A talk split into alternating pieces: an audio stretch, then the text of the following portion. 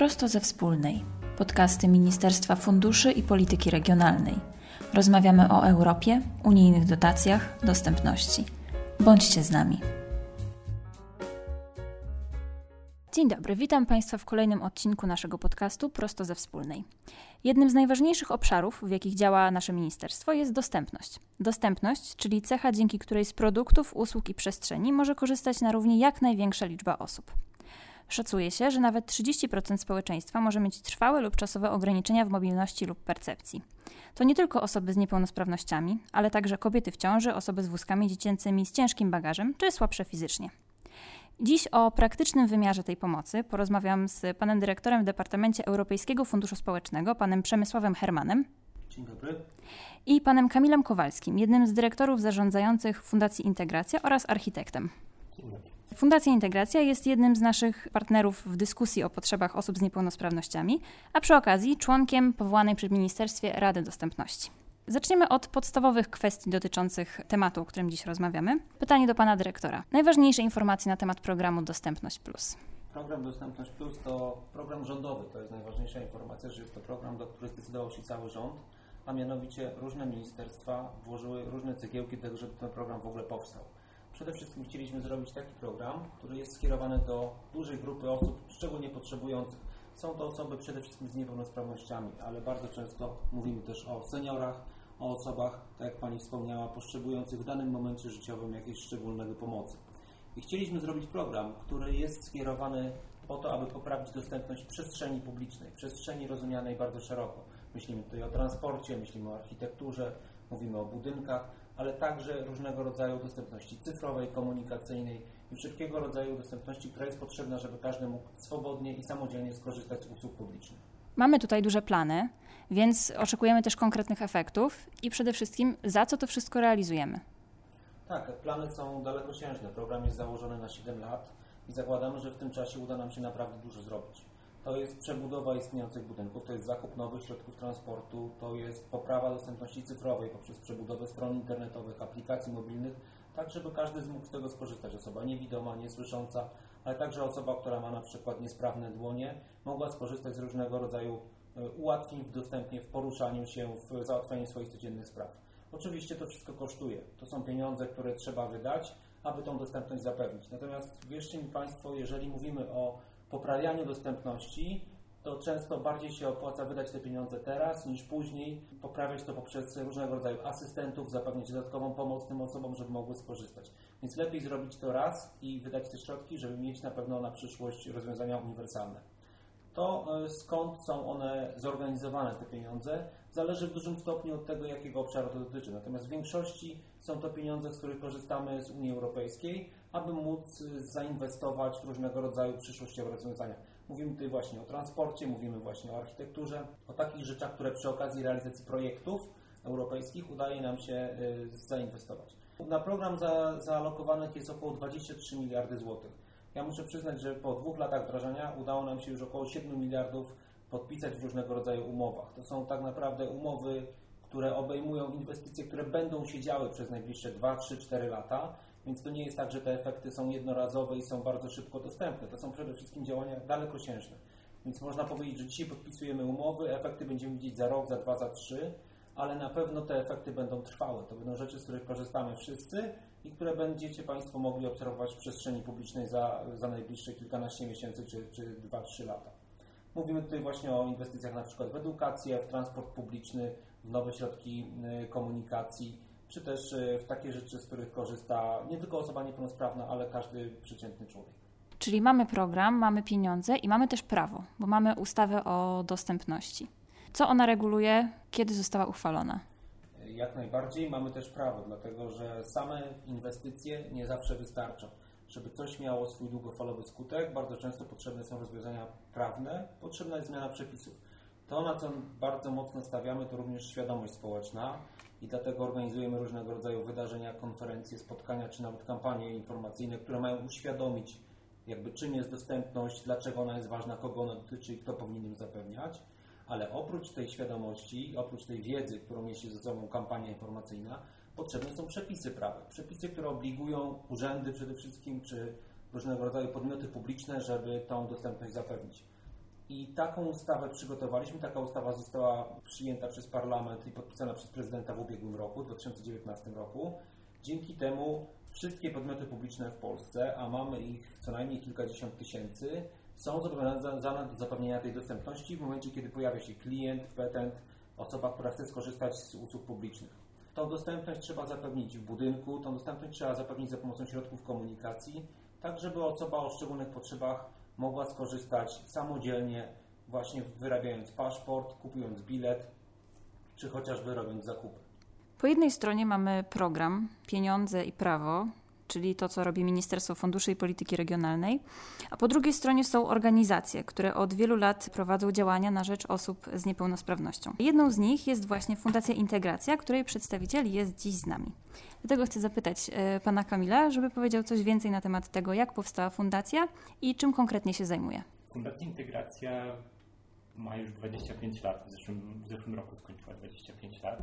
Wszystko zaczęło się od gazety pisanej na maszynie do pisania przez, przez Piotra Pawłowskiego, założyciela fundacji, który sam był osobą z niepełnosprawnością i stracił, tą, stracił sprawność fizyczną w wyniku skoku do wody na, na, na główkę.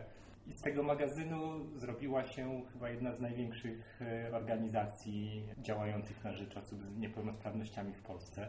W tej chwili oprócz magazynu, który jest e, cały czas wydawany, jest portal informacyjny dla osób z niepełnosprawnościami.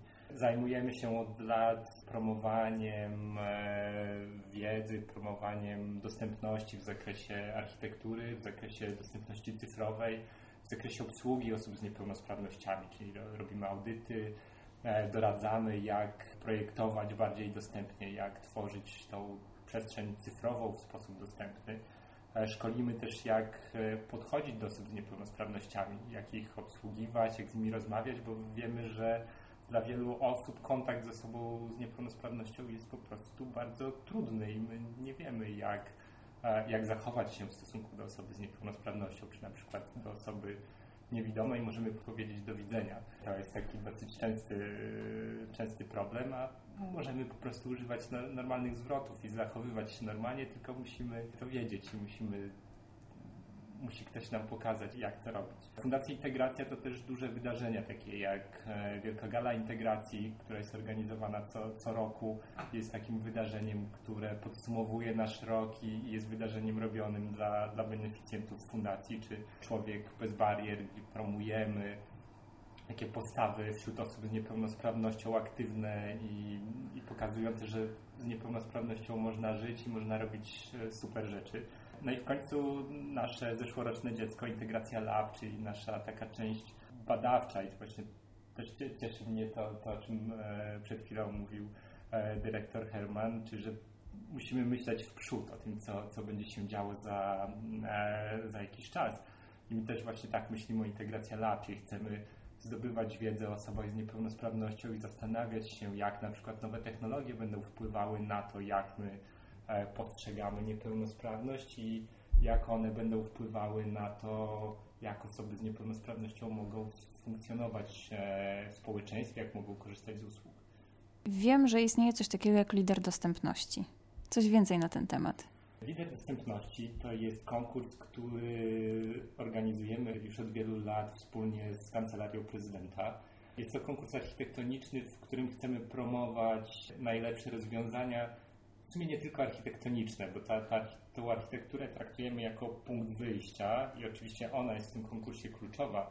Natomiast jak sobie tak wspomnę poprzednie lata i obiekty, które nagradzaliśmy, one nigdy nie były nagradzane tylko za architekturę zawsze robiły coś więcej. Jeżeli nagradzaliśmy muzeum, to ono zazwyczaj miało świetną ofertę skierowaną do osób z niepełnosprawnością wzroku, do osób z niepełnosprawnością słuchu, dbało o rodziców z dziećmi, osoby starsze. Mam wrażenie, że z roku na rok ta jakość zgłoszeń się bardzo podnosi, więc to też pokazuje, że zmienia się e, sposób myślenia o dostępności w Polsce i też świadomość architektów rośnie, rośnie świadomość instytucji, które E, o tą dostępność e, dbają. I no ja, ja bardzo lubię ten konkurs, bo rzeczywiście pokazuje te zmiany i, i można je obserwować. Już trochę napomknęliśmy o tej architekturze. I właśnie chciałabym pociągnąć ten temat. Mianowicie Pan jest architektem i też zajmuje się Pan audytami dostępności. I na czym polega robienie takiego audytu? Pracuję z tym architektem wnętrz. A, okej, okay, okej. Okay. Natomiast tak, zajmuję się od ponad 11-12 lat chyba problemem dostępności. I, I, to jest coś, co już na studiach zauważyłem, że jest istotne, że zresztą moja praca dyplomowa była skierowana do, do osób z niepełnosprawnością wzroku. No i, i, w zasadzie zaraz po studiach trafiłem do Fundacji Integracja i tak gdzieś tam się moja ścieżka e, potoczyła. Dużo zależy od tego, na, na jakim etapie pracujemy i na jakim obiekcie pracujemy. Czyli zupełnie inaczej wygląda audyt w momencie, kiedy my pracujemy na obiekcie istniejącym. Szczególnie jeżeli to jest obiekt z jakiegoś powodu nietypowy i nie do końca wiemy, jakie potrzeby mogą mieć osoby z niepełnosprawnością w takim obiekcie. Mhm, na przykład? E, na przykład, jeżeli będziemy mówili o jakimś obiekcie sportowym do, do uprawiania jakiejś nietypowej dyscypliny, musimy tak naprawdę najpierw poznać potrzeby osób z niepełnosprawnością, które taką dyscyplinę na przykład mogą uprawiać, żeby wiedzieć, jak przygotować szatnie, czy oni nie potrzebują jakichś dodatkowych, e, dodatkowej opieki, na przykład fizjoterapeuty w szatnie, czy nie trzeba w jakiś specjalny sposób przygotować boiska, bo często jest tak, że na przykład na halach sportowych wiele obiektów nie chce, nie chce wypożyczać sal osobom, drużynom osób z niepełnosprawnością, bo boją się, że zostanie zniszczony parkiet przez, e, przez wózki inwalidzkie na przykład.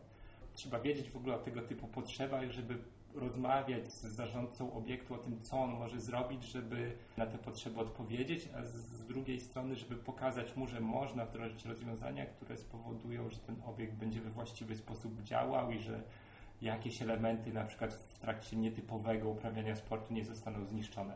Zupełnie inaczej będzie na przykład przy obiektach związanych z kulturą, gdzie znowu musimy wiedzieć o tym, w jaki sposób my możemy o tej kulturze mówić i przekazywać ją e, osobom z niepełnosprawnością czy musimy zastanowić się nad tym, jak coś, co osoby sprawne widzą, mm, przedstawić osobie niewidomej. Czy możemy na przykład przygotować e, różnego rodzaju materiały dotykowe, możemy przygotować specjalne opisy, w których przełożymy tą, e, tą formę wizualną na, na tekst. Musimy pomyśleć o tym, jak, e, jak tą sztukę będą odbierały osoby z niepełnosprawnością słuchu, bo nie ze wszystkim będą w stanie się zapoznać. Więc to jest ta, ta część taka, która pozwala nam zrozumieć, jak w ogóle myśleć o dostępności obiektu. Mhm. Dopiero możemy przystępować do audytu i, i zastanawiać się nad tym, co w nim można poprawić, co nie działa, e, jakie rozwiązania wdrożyć. Często to jest też walka z e, różnego rodzaju problemami technicznymi, brakiem miejsca, problemami finansowymi, bo bardzo często dostosowanie istniejącego obiektu pochłania bardzo duże fundusze więc to jest dosyć trudny proces. Trochę inaczej jest w momencie, kiedy my projektujemy obiekt. Tutaj też oczywiście ta, konieczne jest to zdobycie tej wiedzy na początku. E, natomiast mamy dużo większe możliwości, bo pracujemy jeszcze na papierze. Bardzo dużo rzeczy daje się poprzestawiać. Możemy współpracować z architektami i zastanawiać się nad tym, jak jakie najlepsze rozwiązania można wprowadzić. Czyli to już nie jest pytanie o to, jak dostosować obiekt, tylko co możemy zrobić więcej, żeby on był jeszcze, jeszcze lepszy. No i potem są całe prace na etapie realizacji tego obiektu, kiedy też pojawia się wiele pytań, jakie materiały wybrać, jakie wybrać urządzenia i dopiero osiągamy ten, ten no, mam nadzieję, że zazwyczaj sukces w postaci gotowego budynku, który jest dobrze odbierany przez osoby z niepełnosprawnością. Jak obecnie właśnie wygląda, e, jak, jaki jest powiedzmy klimat tych zmian? To znaczy wprowadzanie tej dostępności architektonicznej, z jakimi reakcjami to się spotyka? Z różnymi. To, to, to chyba tak zawsze jest, że jedni lubią zmiany, drudzy ich nie lubią albo boją się tych zmian, więc, więc bywa bardzo różnie. E, natomiast ja mam wrażenie, że mimo wszystko jest dobry klimat do tego, żeby, żeby o dostępności mówić i to jest temat taki, jak my zaczynaliśmy nad nim pracować kilkanaście lat temu, to naprawdę trzeba było bardzo dużo pracy, żeby przekonać kogoś do tego, że dostępność jest ważna, że, że w ogóle osoby z niepełnosprawnością funkcjonują w społeczeństwie, że mogą w nim funkcjonować, bo my też e, dużo rzadziej osoby z niepełnosprawnością widzieliśmy, dużo mniej e, wiedzieliśmy o nich. A w tej chwili no, osoba z niepełnosprawnością staje się codziennym widokiem. To, to osoby z niepełnosprawnością normalnie pracują, uczą się, są wśród nas. Przybywamy w tej samej rzeczywistości tak, przecież. Przybywamy, dokładnie, przybywamy w tej samej rzeczywistości i, i myślę, że też wszyscy zaczynają dostrzegać to, że, że to jest, że, że osoba z niepełnosprawnością nie jest kimś innym, że, że po prostu społeczeństwo jest różne i my jesteśmy różni. E, I, I, osoba z niepełnosprawnością, tak samo jak każdy z nas, ma prawo funkcjonować w społeczeństwie ma, i powinna mieć do tego możliwość. Więc te zmiany y, przychodzą w taki sposób bardziej naturalny i właśnie lider dostępności jest dobrym przykładem, że my jak zaczynaliśmy ten konkurs, to było trochę tak, że szukaliśmy budynków, które mają pochylnie, które mają windę, które mają taletę dla osób z niepełnosprawnością. Na przykład tegoroczna edycja lidera pokazuje, że, że to nie wystarcza już w tej chwili, że trzeba coś więcej, więc, y, więc te zmiany są. Mhm. Więc mamy klimat do zmian. Przy okazji mamy też program, który wspiera te zmiany. Są organizowane konkursy, z tego co wiem. Tylko teraz czekać na efekty. Jak najbardziej. Część z tych efektów już się pojawia. Możecie Państwo je obserwować. Tak jak mówiliśmy, one nie zawsze są natychmiast, natomiast to są rozwiązania, które będziemy stale obserwować w się ilości w naszym codziennym życiu. Mamy konkursy otwarte, na przykład konkursy dla szkół podstawowych, konkursy dla uczelni. Już 85 uczelni podpisało umowy na dofinansowanie, gdzie otrzymają granty na wyposażenie, które polega na tym, że udostępni się zarówno formy prowadzenia zajęć, jak i możliwość pobytu na uczelni, dostęp do różnego rodzaju laboratoriów czy warsztatów, które tam się odbywają. Studenci z niepełnosprawnościami mają dzisiaj dużo łatwiej niż jeszcze kilka, kilkanaście lat temu, a dzięki programowi Dostępność Plus to się będzie jeszcze poprawiać. Podobnie w służbie zdrowia. Udzielamy grantów dla przychodni i dla szpitali. 25 szpitali i 125 przychodni w tym roku jeszcze otrzyma granty, a w kolejnych latach będziemy starali się zwiększyć ten wolumen. Podobnie jeżeli chodzi o różnego rodzaju wsparcie dla miast. 15 y, najlepszych miast, takich, które są miastami średnimi, nie takich dużych, bo one mają troszkę inne budżety, ale miasta średnie, które dzisiaj nie mają własnych możliwości finansowych, postaramy się wybrać je i wesprzeć w tworzeniu strategii dostępnej przestrzeni publicznej, po to, żeby dobrze zaprojektowały swoją przestrzeń rynków, parków, skwerów, miejsc, gdzie e, osoby starsze czy osoby z niepełnosprawnością też chcą przebywać i chcą mieć możliwość poruszania się swobodnego, bez konieczności asysty, potrzeby drugiej osoby, czy proszenia przechodniów o pomoc, bo to właśnie chodzi o to w dostępności, żeby można było samodzielnie i na równych warunkach, na równych prawach z tej przestrzeni korzystać zaciekawiło mnie to wsparcie dla, dla 15 miast. Tak, tak, to jest z, Europy, z EOGA, akurat z funduszy norweskich. Tak, jest taki program rozwoju lokalny, bo opracowują takie szablonowe rozwiązania, które potem inne miasta mhm. mogą kopiować u siebie tak. i dostają na to też pieniądze. Te 15 miast dostanie nawet granty na zapewnienie dostępności, a pozostałe tam około 50 miast, które nie załapią się do tych najlepszych, dostaną tylko wsparcie takie strategiczne i programowanie mhm. tego, natomiast no już gorzej z, z dostępnością finansową. No tak, ale to nawet pokazanie im, jak można myśleć o przestrzeni tak. jest już fajne, bo... Tak. E, zresztą to, no to rozmawialiśmy na kapitule lidera, że przestrzeń publiczna to jest zawsze taka kategoria, z którą my mamy w liderze bardzo duży problem. Mhm. E, co prawda udawało nam się nagradzać jakieś małe miejscowości, ale generalnie ta przestrzeń jest słaba. A tym bardziej dlatego myślę, że to jest kwestia i pokłosie właśnie braku dobrych przepisów bo jeżeli mówimy o przepisach, y, o, o, obowiązku zastosowania odpowiednich przepisów prawa, to w przypadku dostępności architektonicznej jest to dużo mocniej doprecyzowane, natomiast w przypadku przestrzeni publicznej tych standardów brakuje. Jeżeli mówimy o, o chociażby jakichś różnego rodzaju nawierzchniach, czy właśnie miejscach poruszania się przechodniów, to co prawda te przepisy są, ale one są po pierwsze rozrzucone w różnych dokumentach, w różnych aktach prawnych, po drugie brakuje spójnego standardu. I teraz y, dlatego też bardzo często włodarze miast czy architekci w miastach niespecjalnie patrzą jeszcze pod kątem dostępności, tylko przede wszystkim pod kątem wiem, na przykład bezpieczeństwa przeciwpowodziowego, czy, czy chociażby jakiejś takiej wizualnej estetycznej strony tego, tego projektu, a mniej z punktu widzenia jego efektywności dla użytkownika o szczególnych potrzebach. I to jest kluczowa sprawa, żebyśmy pamiętali o budowaniu tej świadomości wśród przede wszystkim właśnie projektantów, y, architektów, deweloperów też, żeby oni wiedzieli, że muszą myśleć o użytkowniku, który też porusza się na wózku, o kulach, o użytkowniku, który jest osobą starszą, potrzebuje czasami spocząć na ławce. Mhm. Więc jest jeszcze dużo do zrobienia, ale wiatry wieją w dobrą stronę, można tak powiedzieć, że są osoby, które działają i są i podmioty przede wszystkim, podmioty, które mm, działają na rzecz tego, żeby ta dostępność funkcjonowała w różnych aspektach. Mówiliśmy o przepisach, mówiliśmy -hmm. o standardach, mówiliśmy o finansowaniu. Natomiast y, nie powiedzieliśmy o czymś, co jest taki, taką trzecią, e, trzecim takim fundamentem tego wszystkiego, czyli o, o świadomości architektów, o świadomości inwestorów, że to, to jest taka rzecz, bez której to wszystko się nie uda. Bo my przepisami możemy spowodować, że nie narobimy jakichś bardzo dużych błędów. Natomiast przepisy nie spowodują, że my stworzymy świetną architekturę, że my stworzymy świetną przestrzeń publiczną. Ona może być pozbawiona błędów, ona może być pozbawiona barier. Natomiast bez świetnego projektanta, bez świadomego inwestora, to nie będzie przestrzeń przyjazna. E, czyli to, to jest trochę coś więcej niż, e, niż dostępność. E, ona nie będzie nie będzie przestrzenią, w której my chcemy przebywać, w której nam się fajnie spędza czas po prostu. A to jest tak naprawdę kluczowe do tego, żeby ta dostępna przestrzeń była przestrzenią, w której my chcemy być. Co więcej, nawet tegoroczny lider dostępności pokazuje i ubiegłe też edycje pokazują, że tendencja, w którą zmierzamy, jest taka, żeby to, co jest dostępne, było też ładne i estetyczne.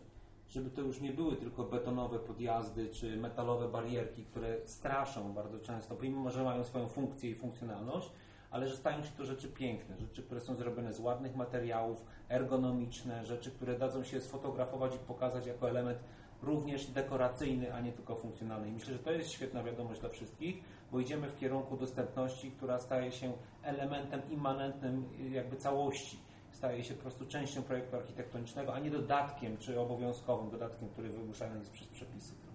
Też wydaje mi się, że czasem te elementy w cudzysłowie dostępne, które miały powodować to, że to będzie ułatwiać jakieś tam poruszanie się i tak dalej, one czasami też odstraszały, w sensie były tak zaprojektowane wizualnie, że one po prostu nie były przyjemne dla oka. A teraz to już chyba się troszkę zmienia, że to już y, zaczyna iść w stronę taką bardziej estetyczną, żeby to też przyciągało wzrok, jakoś tak było po prostu ładniejsze, tak mi się wydaje ja jak zaczynałem pracować e, przy temacie dostępności, e, to to rzeczywiście tak wyglądało. Znaczy, dostępność była traktowana jako taki dodatek do architektury. Czyli my najpierw stawialiśmy budynek, czy projektowaliśmy budynek, a potem zastanawialiśmy się, co tam z nim zrobić, żeby osoba z niepełnosprawnością, i to wtedy myślało się tylko osoba z niepełnosprawnością równa się osoba na wózku inwalidzkim, mogła się do niego dostać. I stąd mi powstawało mnóstwo takich obiektów właśnie z jakimiś koszmarnymi pochylniami dobudowanymi, takimi, które rzeczywiście psuły absolutnie bryłę tego budynku. Architekci tych pochylni nie chcieli budować, bo one się źle kojarzyły, psuły im ich wizję obiektu i to, to no w ten sposób myśleliśmy. E, I, I tak naprawdę właśnie dostępność była rozumiana, że musi być pochylnia. E, ja zresztą często się spotkałem z takimi zdaniami, że e, na przykład budynek jest niedostępny, bo nie ma pochylni. A jak zaczynały takie zmiany wchodzić, to się okazywało, że on po prostu ma wejście z poziomu terenu i pochylnia nie jest potrzebna. E, albo pamiętam, kiedyś czytałem jakiś audyt innej organizacji, chyba dworca kolejowego, gdzie był zarzut, że e, nie ma obniżonej kasy. Tylko się okazało, że wszystkie kasy były tak zrobione, że każdy z nich mógł korzystać. E, więc to jest ten kierunek, że dostępność przestaje być widoczna E, I tak naprawdę to, to o to chodzi. Nie, nie, musimy budować pochylni, żeby budynek był dostępny. Nie musimy robić jakichś super e, dostosowań. Musimy po prostu dobrze myśleć o tym budynku już na samym początku. Jeżeli go dobrze wymyślimy, to nie będziemy musieli wcale nic do niego specjalnego dokładać. Tym słowem chciałabym zakończyć, bo chcemy, żeby te efekty były widoczne, ale były widoczne tak, że nie będziemy ich od razu zauważać, tylko że będziemy z nimi żyć tak na co dzień. E, więc ja dziękuję bardzo za rozmowę. Dziękujemy. Dziękujemy. Rozmawiała Zuzanna Orczyc-Musiałek.